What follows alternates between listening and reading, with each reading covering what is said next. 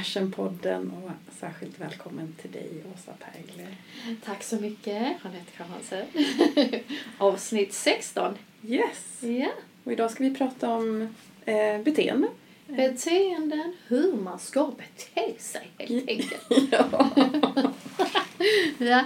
Nej, men eh, vi har ju eh, haft de här andra eh, mm, avsnitten med tankar och känslor och kroppen. Och nu är det då i den här lite serien då så är det beteenden. Och vi vill knyta ihop det lite så att våra tankar, känslor och kropp interagerar med varandra och beteendena är också med där. Hur beter vi oss när vi blir triggade i vissa situationer eller när vi känner eller tänker vissa saker. Så. Mm. Och det här är sådana saker som vi psykologer tycker om att prata om. Alltså de här tankar, känslor, kropp, beteende. Ja. Och också, men jag tänker om verktygslåda. Mm. Alltså ni som har lyssnat på detta, att veta liksom att hmm, jag kan ju jobba både med tankar, jag kan jobba med, med kroppen och jag kan jobba med mina beteenden och jag kan jobba med känslor. Så det kan ju vara som en verktygslåda att plocka ur. Och framförallt att det inte finns något givet, tänker jag, hur vi jobbar med medkänsla. Man kan, man kan jobba med de olika beroende liksom lite på, ibland lite vad som är, känns lättast. Mm. Eh, ibland har vi lättare tillgång att prata till exempel om våra tankar. Ja, men då kan man Mm. jobba med medkänsla med tankarna. Mm. Eh, ibland är det lättare att ha fokus på beteende helt enkelt. Mm. Ja, men då jobbar vi med medkänsla på det sättet. Mm. Så det är inget rätt eller fel där tycker vi utan vi tycker liksom att man kan se en helhetssyn Mm. på det. Mm. Mm. Eh, så att vårt förra avsnitt då som handlar om kroppen ehm, som kom Känslor, lite... eller? Va? Känslor och kropp. Nej, kroppen är ju den som eh, senast i avsnitt 15. Eh, Den som blev lite sent släppt, som egentligen skulle släppas innan semestern. Men så, så tog jag semester Tog och glömde podden. Så att den kom ju eh, eh, kom, kom ju nu i början av hösten och den kommer nu, ja, nu på hösten. Eh, Efter vår härliga sommarsemester. Ja. Eh, Så att, nej, men vad tänker du liksom om man skulle säga beteenden då och kopplat till självmedkänsla? Ja, vi kanske kan säga det. Vad vi menar med beteende är ju saker som vi gör, våra handlingar. Ibland kan det ju till och med vara ett förhållningssätt som vi har. Det är liksom det som inbegrips inom beteenden. Eh, Mm, Det kanske inte är självklart för alla. Nej. Ehm, Och i det tänker jag också att det finns... eh, Vi kan ha en hel del problematiska beteenden också. Saker som, som vi gör som inte blir bra för oss. Mm. Absolut, och det handlar ju så mycket om också, alltså, alltså det handlar ju mycket om vad man har lärt sig som barn och, och, och det bara där kan vara väldigt medkännande till sig själv och se att okej, när jag var barn så försökte jag bara klara av vissa situationer som jag var satt, satt i som jag inte hade någonting att säga till om. om och, och då utvecklade jag kanske beteenden för, för att klara det liksom. Eh, och, nu- och nu funkar inte de som vuxen så bra, kanske, ibland. Alltså, eh, en sak kan ju kanske vara att... Ehm, ehm, ehm, nej, men det, som, om vi säger som kan vara problematiskt om man vill ehm, lära sig hantera svåra känslor och så, så kan ju det som är tvärtom mot självmedkänslan eh, att vara att man undviker känslor. Alltså att man stänger ner eller att man börjar göra kortsiktiga saker eh, för att slippa eh, det som är jobbigt. Mm. Eh, alltså kortsiktiga beteenden är ju då med syfte för att bedöva obehag om man säger. mm, Och det kan vara ju allt från att dricka för mycket, träna för mycket eller stänga ner och, och helt uh, känslomässigt eller um, svårt med gränssättning. Det är också ett beteende, kan jag gränssätta eller inte? Mm. Alltså det kan vara en massa saker som gör att där och då så går ångest eller obehag ner. Men långsiktigt så har jag aldrig lärt mig hantera känslan eller så blir det konsekvenser som inte blir så bra.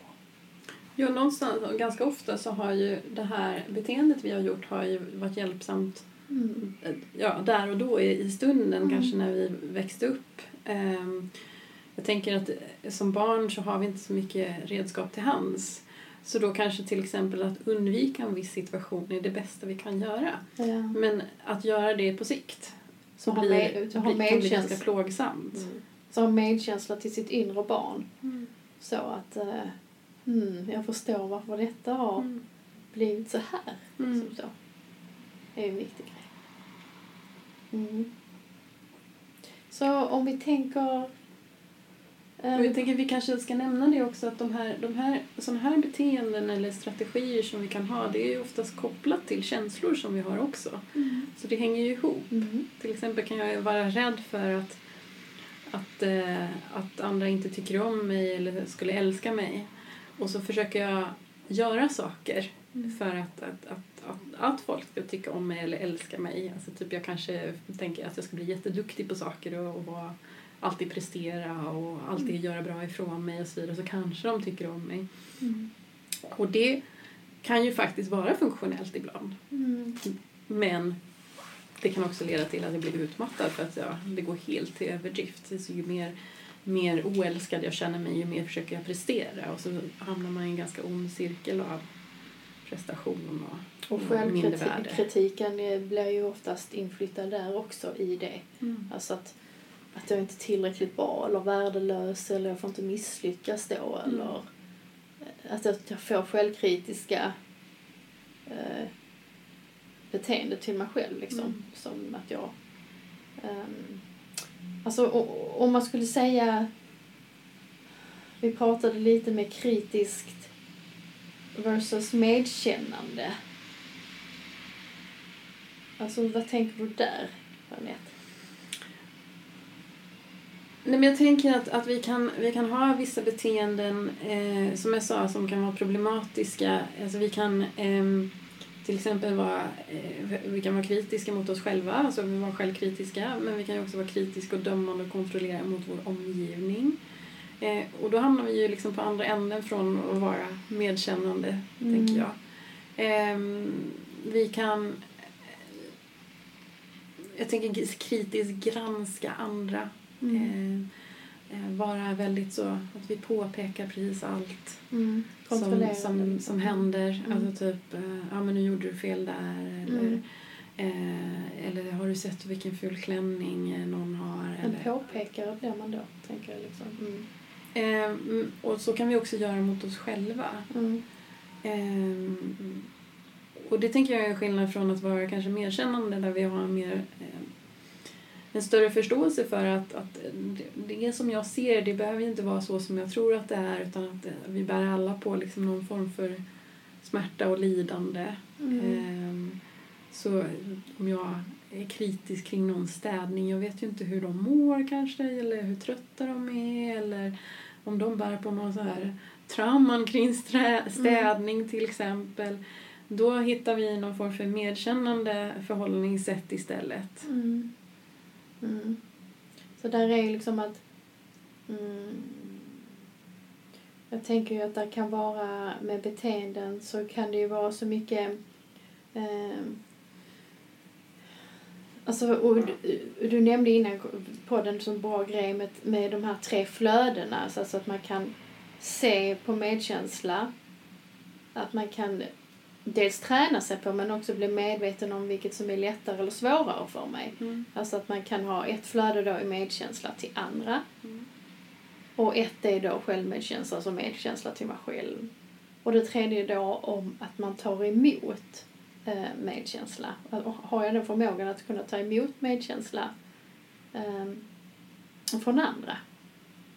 Så att man kan ju säga då att, att, att medkänsla och självmedkänsla, alltså att där finns då olika områden där man kan undersöka med sig själv eh, dels hur man kan träna på det men dels vilket är lättare eller svårare för mig och varför är det så. Mm. Eh, för de flesta är det lättare att bara komma i kontakt med medkänsla till andra. Mm. Att det kommer mer naturligt liksom att mm, jag vet vad jag ska säga om min kompis är ledsen. Eh, men man kanske inte alls säger så till sig själv när man är ledsen. Och då kan man också använda sig av det. Alltså Mm. vad skulle vad skulle, nu är jag så ledsen, vad, vad skulle jag vilja höra från en kompis? Mm. Alltså om jag beter mig medkännande till dig så kanske jag inte har någon blockering i det. Eh, Utan det är lättare att bara använda en bra ton, säga liksom vad du behöver. Kanske bekräfta, lugna dig, validera det, säga att det är okej, att man ju känner så ibland och så. För att man förstår direkt att det här är hjälpsamt Mm. och så. Och man, med, med, med, då har man ju en intuition med medkänsla. Alltså, men, men man kanske inte ser att ens inlärda spår eh, gör att man eh, attackerar sig själv i de situationerna istället. Alltså självmedkänslan kommer inte då naturligt. Liksom, utan, så det första steg att bli medveten om Mm. hur ser mina medkännande beteende ut. Mm. Till mig själv, till andra Mm. och så. Mm. Jag tycker att en hel del, som du är inne på, att de flesta de, de tycker att det är lättare att ha medkännande med andra. Så en del upptäcker ju liksom också att, att de är ganska medkännande med andra. Att det finns, det finns ju en förmåga till medkänsla.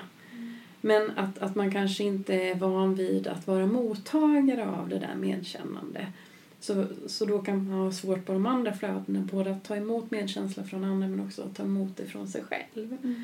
Och då tänker jag att det är där vi också kan behöva träna. Mm. Men att vi får göra det i små steg Mm. så att det inte blir för överväldigande. Mm. Och om man skulle prata generellt om beteende, alltså inte bara självmedkännande beteende utan beteende i sig, så är ju ehm, eh,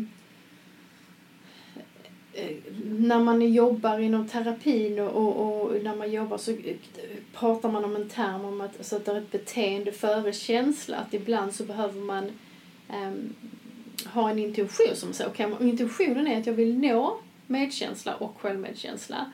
Att det är någonting som jag vill vara driven i. Det är Mm. så så.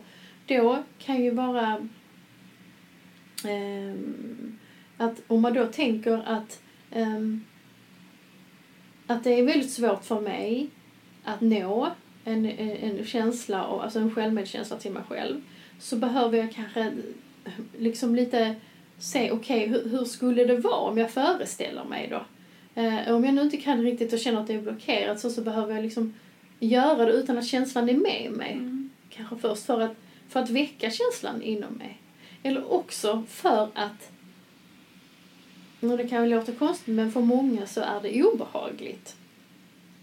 Och kan kännas skamfyllt och Mm. jobbigt och otryggt och okänt och, och så att, att vara självmedkännande till sig själv. Och då blir det ju som en slags exponering, alltså att man har en intention, det här vill jag, jag vill öva upp självmedkänslan. Men jag känner inte riktigt nu, den är blockerad. Kan jag göra beteenden som, som är självmedkännande för att kunna nå, kunna nå det liksom. Mm. Och så är det ju generellt också, även om vi inte pratar om självmedkänslan.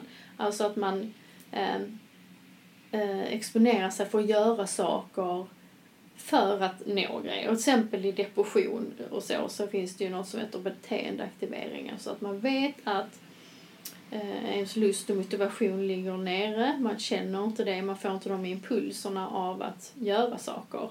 Man känner helt enkelt inte lust för saker som man brukar göra. Och då eh, kan man se att man behöver liksom göra saker som man brukar tycka är kul för att få igång känslan igen. Ja, vi pratade ju lite om att det, här kan vara en liten fin balansgång liksom, för att vi skulle ju kunna göra det här, alltså en sån eh, vad man säger, exponering eller, ja, där vi gör eh, vad vi tänker oss, eh, medkännande beteenden eh, utan att vi egentligen liksom kanske tycker att det känns okej. Och att det kan bli ganska självkritiskt eller en kritiskt eh, beteende. Eh, och att vi pratade om att hur viktigt det är att på något sätt ha någon medkännande intention i det här. Någon grundläggande medkännande intention för att det har liksom ingen, det har ingen funktion i sig ju. Att eh, till exempel, eh, ja men du var inne på det här med varma bad eller en kopp te. Att om vi gör det med en intention som snarare blir hård och, och dömande Mm. så kommer vi inte få liksom någon positiv effekt av det. Det Nej, vi hade ju en diskussion här innan vi spelade in det där vi sa att det är jätteviktigt att vi får fram liksom skillnaden i det. Liksom att, ehm, att självmedkänsla är något djupare än att bara ta en kopp te. Alltså, Mm. alltså visst, att ta en varm kopp te kan vara ett självmedkännande beteende. Mm. Men själva självmedkänslan så djupare än så. Alltså, bara för att jag tar en varm kopp te till mig själv betyder kanske inte att jag börjar stå upp för mig själv eller att jag kan validera och, och, och känna mig tryggare med jätteläskiga känslor eller så. Mm. Eh, utan det behövs ju liksom, det kan vara ett sätt att börja nå den. Eh, och att det är en skillnad i det. Men du var också lite inne på att, att, att vi kan ju ha en, en, en medkännande intention i att jag vill lära mig det här. Alltså typ jag vill lära mig att kunna ta emot Mm. medkänsla. Alltså där vi på något sätt också har landat i att ja men en vilja och en lust kring det. Och sen kan det fortfarande vara svårt.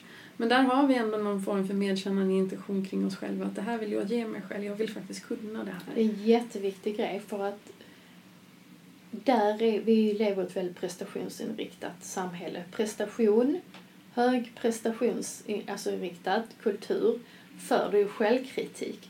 Och då kan det bli en annan intention, både med terapin Mm. eller med nu ska jag lära mig något nytt eller nu ska jag lära mig självmedkänsla eller nu ska jag lära mig meditera. Och då kan det smyga in sig en intention om att men intentionen är att jag ska bli bra på det här. Intentionen är att jag ska göra detta en gång i veckan. Mm. För att det, det ska jag nu, annars är, och då blir det, annars är jag ju dålig. Då blir det en prestation Mm. i det. Mm. Jättevanligt.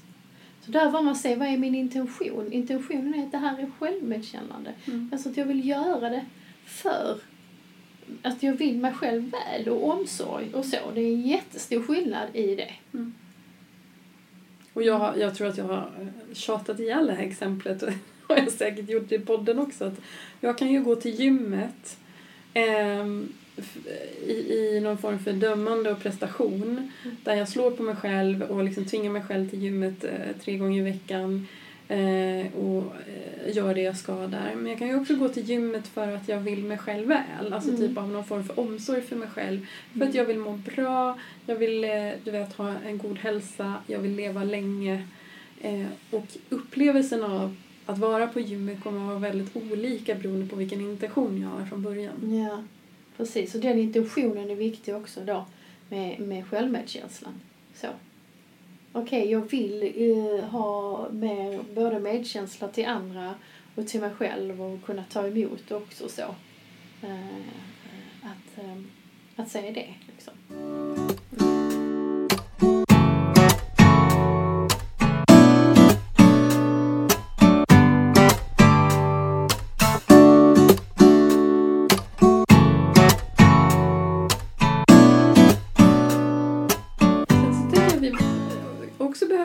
upp det här att, att Alltså det har väl inte helt med att göra vad, vad medkänsla är men det var en klient till mig som lyfte att, att eh, han, han kunde absolut göra, alltså hjälpa någon som kom med en barnvagn och så vidare men han tyckte inte att han var särskilt medkännande i det. Och så frågade han om det var en medkännande handling. Och då sa jag men det tycker jag absolut det. Eh, men han sa så här, men jag kände ingen stor värme och vänlighet för den här mamman som kom med, med barnvagnen. Och jag tror att många kan fastna lite när det gäller just medkännande handlingar i att de tänker att det ska vara grundat i någon form för villkorslös kärlek eh, till eh, den ha- man riktar handlingen mot. Och det är väl snarare någon form för omsorg. Så när vi diskuterade det här så, så kunde vi också landa i att han hade ju en, en omsorg här istället. För jag frågade honom så men om du inte, alltså varför, varför gör du det då? Och så sa han så här, men jag hade inte velat leva i ett samhälle där man inte gör det. Så han hade någon form för generell intention kring att så här tänker jag att man ska vara som människa. Alltså, Mm. Och det är ju en intention. Liksom, Det är ju en intention och det är en omsorgsintention i det tänker jag. Ja. Eh, som, som kunde grunda honom i en, en medkännande intention. Mm.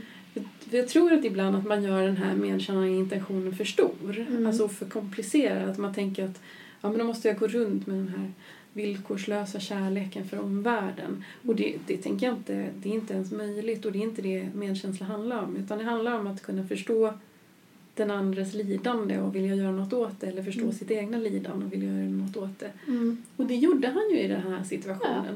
Han såg en mamma som kämpade. Det triggade liksom en, Mm. en, en omsorg i honom. Han Mm. hjälper till. Alltså det behöver inte kännas så supermycket liksom så. Utan men, men där är en intention som ger ett, ett medkännande beteende liksom så. Mm. Ja. Absolut. Men om vi skulle säga... Mm, om man skulle säga konkreta exempel på medkännande beteende och hur man kan börja träna det lite grann.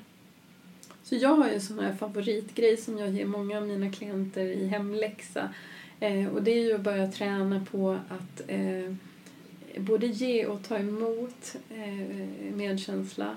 Lite beroende på vilket man har problem med. Eh, och det är att göra såna här små saker i mataffären. Har man svårt för att ta emot, att faktiskt tappa något i mataffären med vilje. Och så låta någon annan plocka upp det och så ta emot det. Mm. Och stanna upp i den stunden och faktiskt ta emot det. Mm. Eh, har man svårt för att ge så att liksom ge jakt på någon som tappar något och försöka hjälpa dem istället. Ja, att man kan sätta det, liksom, man kan träna sig i olika situationer. Att liksom sätta fram det. Okej, nu ska jag pröva det och vara mer... ehm, Eller bara låta någon Ja. gå före i kön. Ja. Eller, alltså, jag tycker mataffären är ett så bra exempel för det är väldigt mycket vardagssituationer. Alltså nu ser jag bara hur du går omkring där och kastar grejer. jag fick jätteroliga syner. Ja, precis. Jag tappar Alla är jättestirriga. Bara, vad gör du? Här och kastar jag. Ja. Men faktiskt är det Mm. att lite kulturellt så har vi en tendens att tacka nej till folks hjälp. Mm. Alltså vi ska vara Alltså så jag förstår precis vad du menar. Alltså det är själv jobbigt tycker jag. Vilket är jättesorgligt därför att den som vill hjälpa försöker ju faktiskt ge oss någonting. Alltså, ge, alltså precis som någon, som någon som ger oss en gåva. Och då tackar vi nej till det. Ja, precis. Det, det, det är faktiskt ett jättebra exempel. För om du tänker så här, om då medkänsla och självmedkänsla är som ett flöde mellan dig och mig och så, eh, och att man når det på det sättet också. För att, att om någon ger dig eh, någon eh, medkänsla eller så, så står de ju med framför dig med en present. Och, och då är det ju inte så medkännande till den som ger dig medkännande om du inte tar emot det.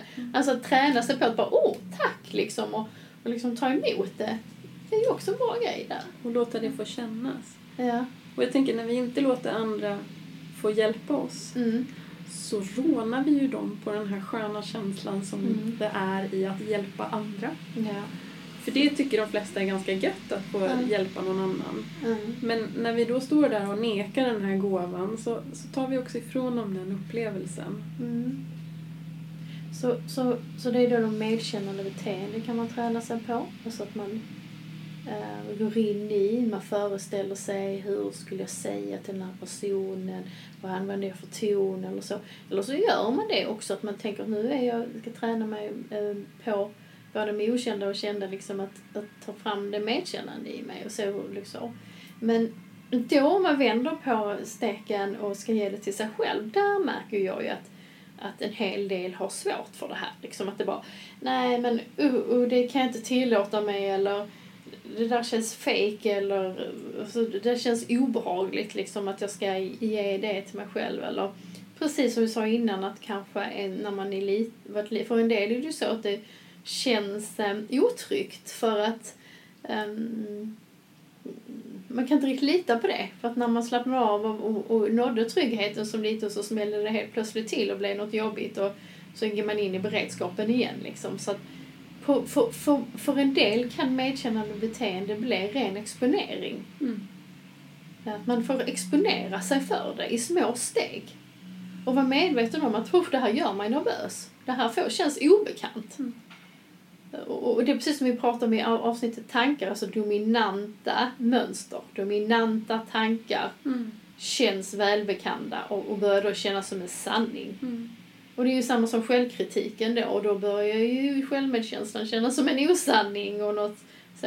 Mm. Så att om man har en intention att man vill träna sig på det så ska man också vara medveten om att beroende på så kan det vara olika svårt. Ja, att det kräver lite mod att Ja. närma sig det här. Det kan, Mm. det kan, ge, det kan ge en del obehag att, att, Mm. att, att göra det här. Jag tänker att Mm. i, i mitt huvud så är det lättare att börja med att träna sig på att ta emot för att sen kunna ta emot det från sig själv om man har väldigt mycket problem med det. Mm. Men bara det här att ta emot från andra kan ju vara jättesvårt. Mm. Och då kan det vara ett första steg bara att träna sig på att in, inte säga nej eller Mm. inte vifta bort. Mm. Och sen när man har, känner sig att man, ja men det här, det här grejer jag ganska väl. Ja.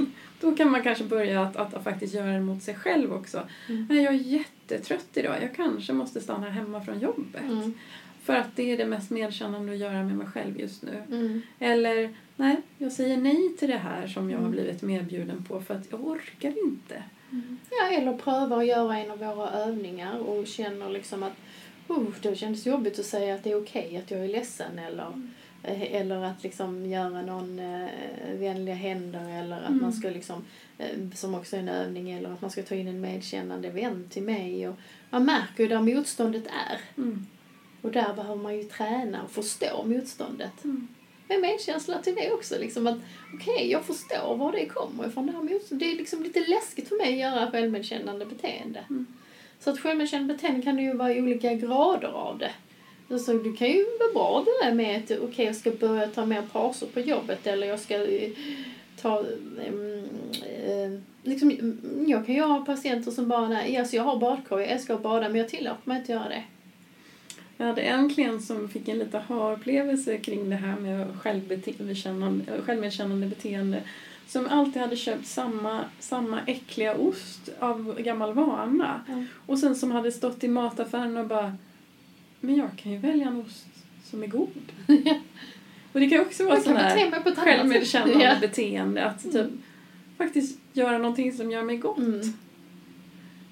Ja, så där är, det, det, det är en viktig grej där, att verkligen ta med sig den förståelsen till sig själv att okej, det här är svårt för mig.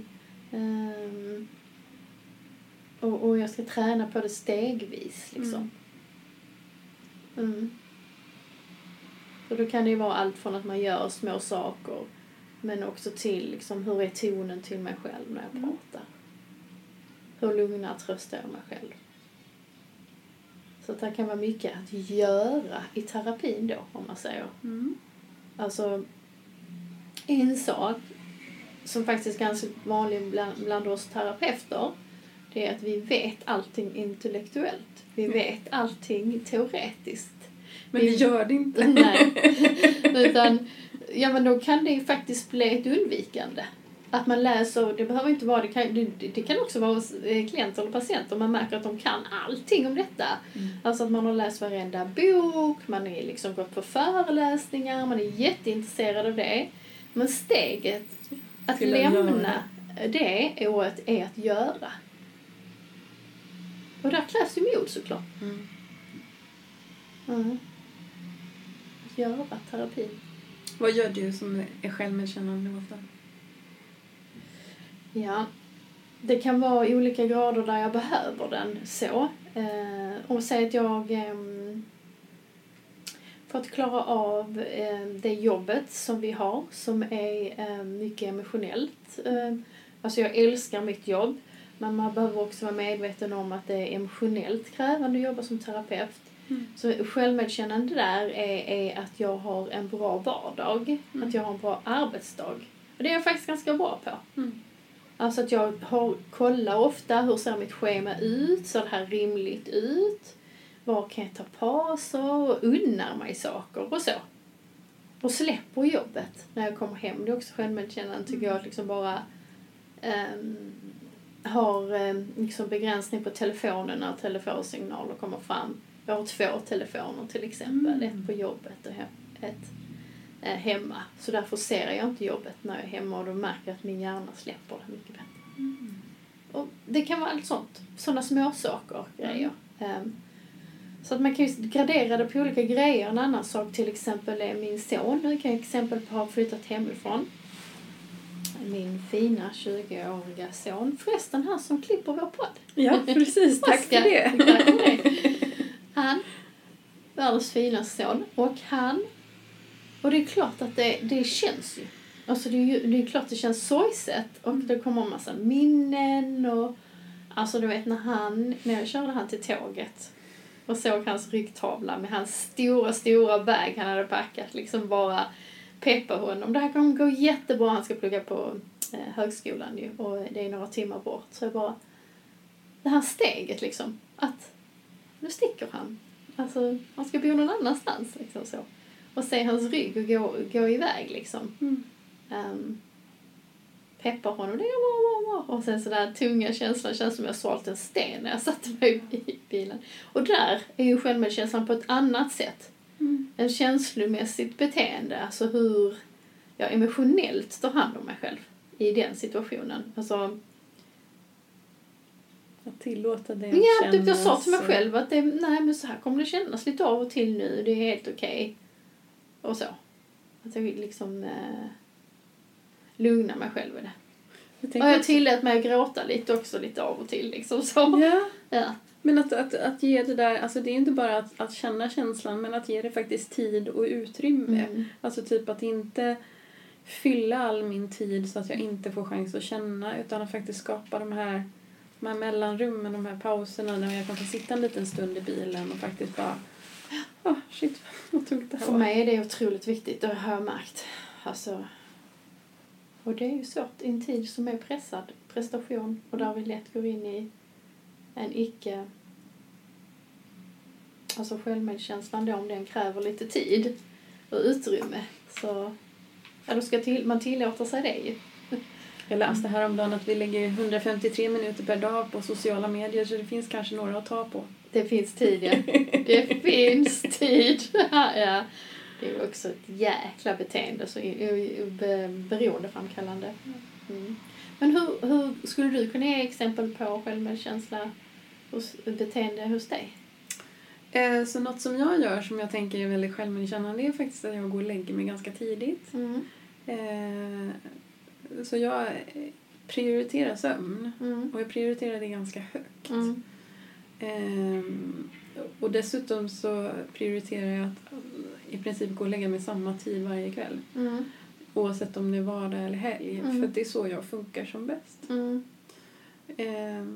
Så det är en sån mm, väldigt viktig självmedkännande grej jag gör. Ehm, Att också, jag gör väl lite likadant som dig, att jag ser över mitt schema och sådär och ger mig själv tillåtelse att eh, inte orka ibland. Mm. När, när det blir för mycket. Att mm. ja, boka av eller, eller Mm. liksom, ja men du vet. Eh, Och det här kan man ju träna på. ja. Alltså det kan vara jättesvårt i början, man får ta olika små steg liksom. Men att ge sig själv tid och Mm. utrymme har, är mycket fokus för mig. Att jag har varit en sån person som har varit jätteduktig på att, att fylla min tid. Varenda minut, alltså du vet från minuten jag vaknar till minuten jag stupar i säng så har jag fyllt min tid. Så för mig har det varit en väldigt självmedkännande handling att ge mig utrymmen, alltså små så reflektionspauser, alltså tid där jag kanske inte plockar upp min telefon till exempel. Eh, där jag verkligen får bara vara med mig själv. Mm. Eh, så för mig är det väldigt lyxigt det där att vara med mig själv. Mm. Nu har jag ju mindre barn än vad du har så det är ju ganska speedat stundtals. Ja, det är jättespeedat. Så att få den där, den där stunden ibland kan, kan kännas jättelyxigt. Mm. Ehm, Så det är en hel radda i olika självmedkännande Mm. beteenden som man behöver se till sig själv. Eh, kruxet är då om man märker att det är ett hinder att nå dem. Och det märker vi ju ofta i terapi. mm. Att det kan vara otroligt svårt att Oh, göra ja. de här eh, beteendena. Liksom så. Och då behöver man ju göra upp någon liksom, plan för hur kan jag stegvis våga mig närma detta. Jag, jag kommer ju från, eh, eller jag har fått lära mig att det var någonting bra att vara självuppoffrande. Mm. Så för mig, bara det här att, att, att ha egen tid Mm. var väldigt skamfyllt. Mm. Eh, och, och ganska obehagligt och jag kände liksom att jag i, i princip behövde liksom någon form för godkännande från hela världen innan Mm. jag kände att det var okej att ge mig, alltså liksom ta den tiden. Helt okej när jag var singel och Mm. ensam liksom. Då fanns det inga problem att ta det för då, var, då stod jag inte till svars med, gentemot någon. Men så fort jag liksom är i en kontext med andra så, så har jag tyckt att det var jättesvårt, väldigt skamfyllt. Mm. Otroligt, även om jag förstod att jag behövde det så, hade jag ty- så tyckte jag att det var så jättesvårt. Mm. Så det är också någon sån här grej som jag har varit tvungen att, eller som jag har eh, jobbat med, med att vara mer sj- självmedkännande, att ge mig själv egen tid och stå ut med det här skampåslaget faktiskt. Mm. Att stå ut med att jag tycker att det är ganska jobbigt Mm. Att ta tid för mig själv. Ja, för om vi pratar om det som så här med beteenden då, om, om vi, vi som mänskligt, alltså ett mänskligt beteende är då att hitta eh, lättaste vägen ut, alltså undvikande till något obehag, så att därför Mm. gör vi kortsiktiga beteenden som dämpar grejer och så. Så att då handlar det ju mycket om det att förstå att ska jag då ändra det så kommer ju komma ju obehag ju kanske ibland. Alltså att om jag har eh, använt mig av strategier av att dämpa eh, känslor eh, och börja bete mig så, så då, då, då, är det ju att stå ut att, med modet liksom att, att säga okej okay, nu kommer en känsla här. Eh, att nu känner jag skam eller självkritik kanske eller prestationsångest. Eh, kan jag stanna kvar i den? Nu är det där självmedkänslan eh, kommer in ju, liksom att stå kvar i det, att det är okej okay att känna så. Mm. Alltså just det som vi sa, att medkänsla till andra, mm. om den är lättare så att man vänder den till sig själv. Att jag mm. börjar prata likadant till mig själv. Mm. Jag börjar behandla mig själv likadant som jag behandlar andra. Och ser att det är hjälpsamt liksom. Och ju mer man exponerar sig för det, ju mer blir det ju naturligt. Då blir ju det ett inlärt spår. Mm. Och det tänker jag knyta an till det vi berörde tidigare, att medkänsla handlar ju inte nödvändigtvis om att bara vara snäll och vänlig mot sig själv. Nej.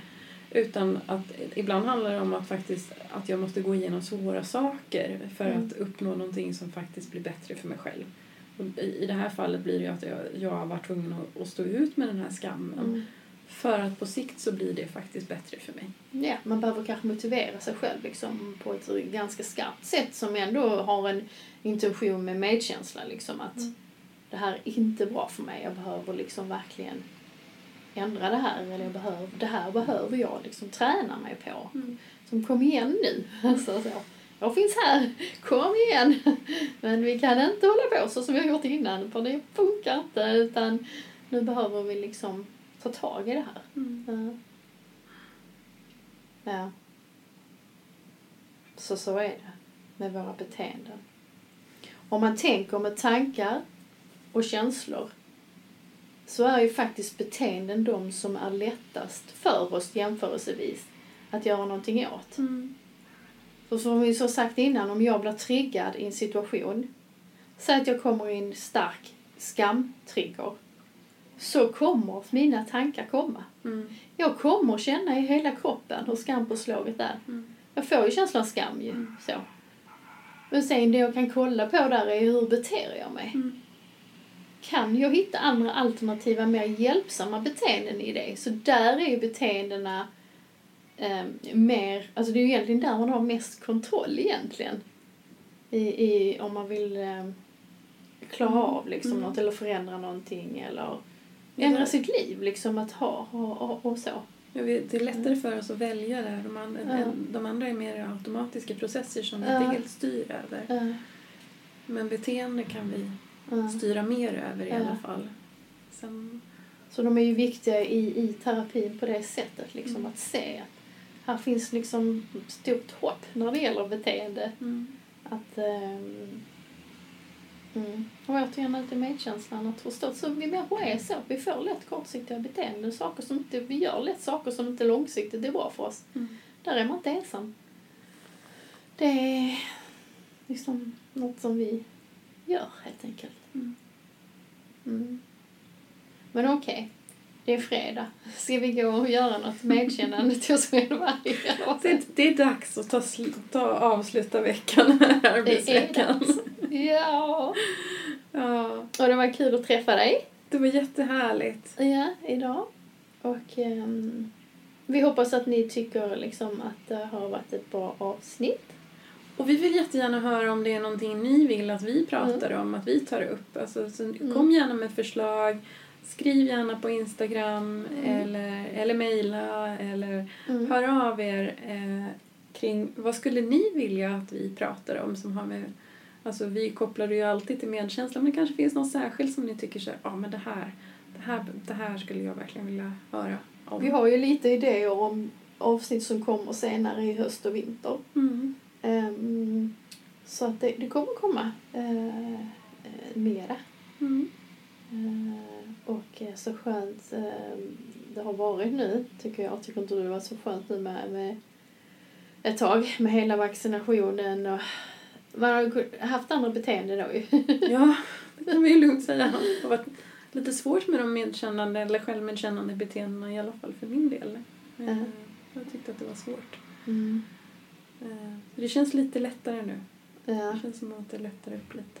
Ja, visst. Man har inte det här hela tiden. Ska man göra så? Kan man det? Eller det kan vi inte. Det är bla bla bla bla. Utan det känns som någonting har lyfts från ens axlar. Mm. Det är jätteskönt. Mm. Så nu bara hoppas vi att det, det fortsätter så. Mm. Mm. Men det är jättekul, vi ser det ticka på. Det, det, det, det sköter sig lite själv eh, det här. Man märker det är fler som lyssnar eller följer oss på podden. Och det är jättekul. Mm. Det är ju det vår eh, eh, intention är. Precis. Spread the compassion. ja. Ja. Jättekul att ha dig här idag, Åsa. Ja, Jag hoppas du får en skön helg. Mm, du också. Och ni med. Ha det så bra. Ha det gott. Hej då!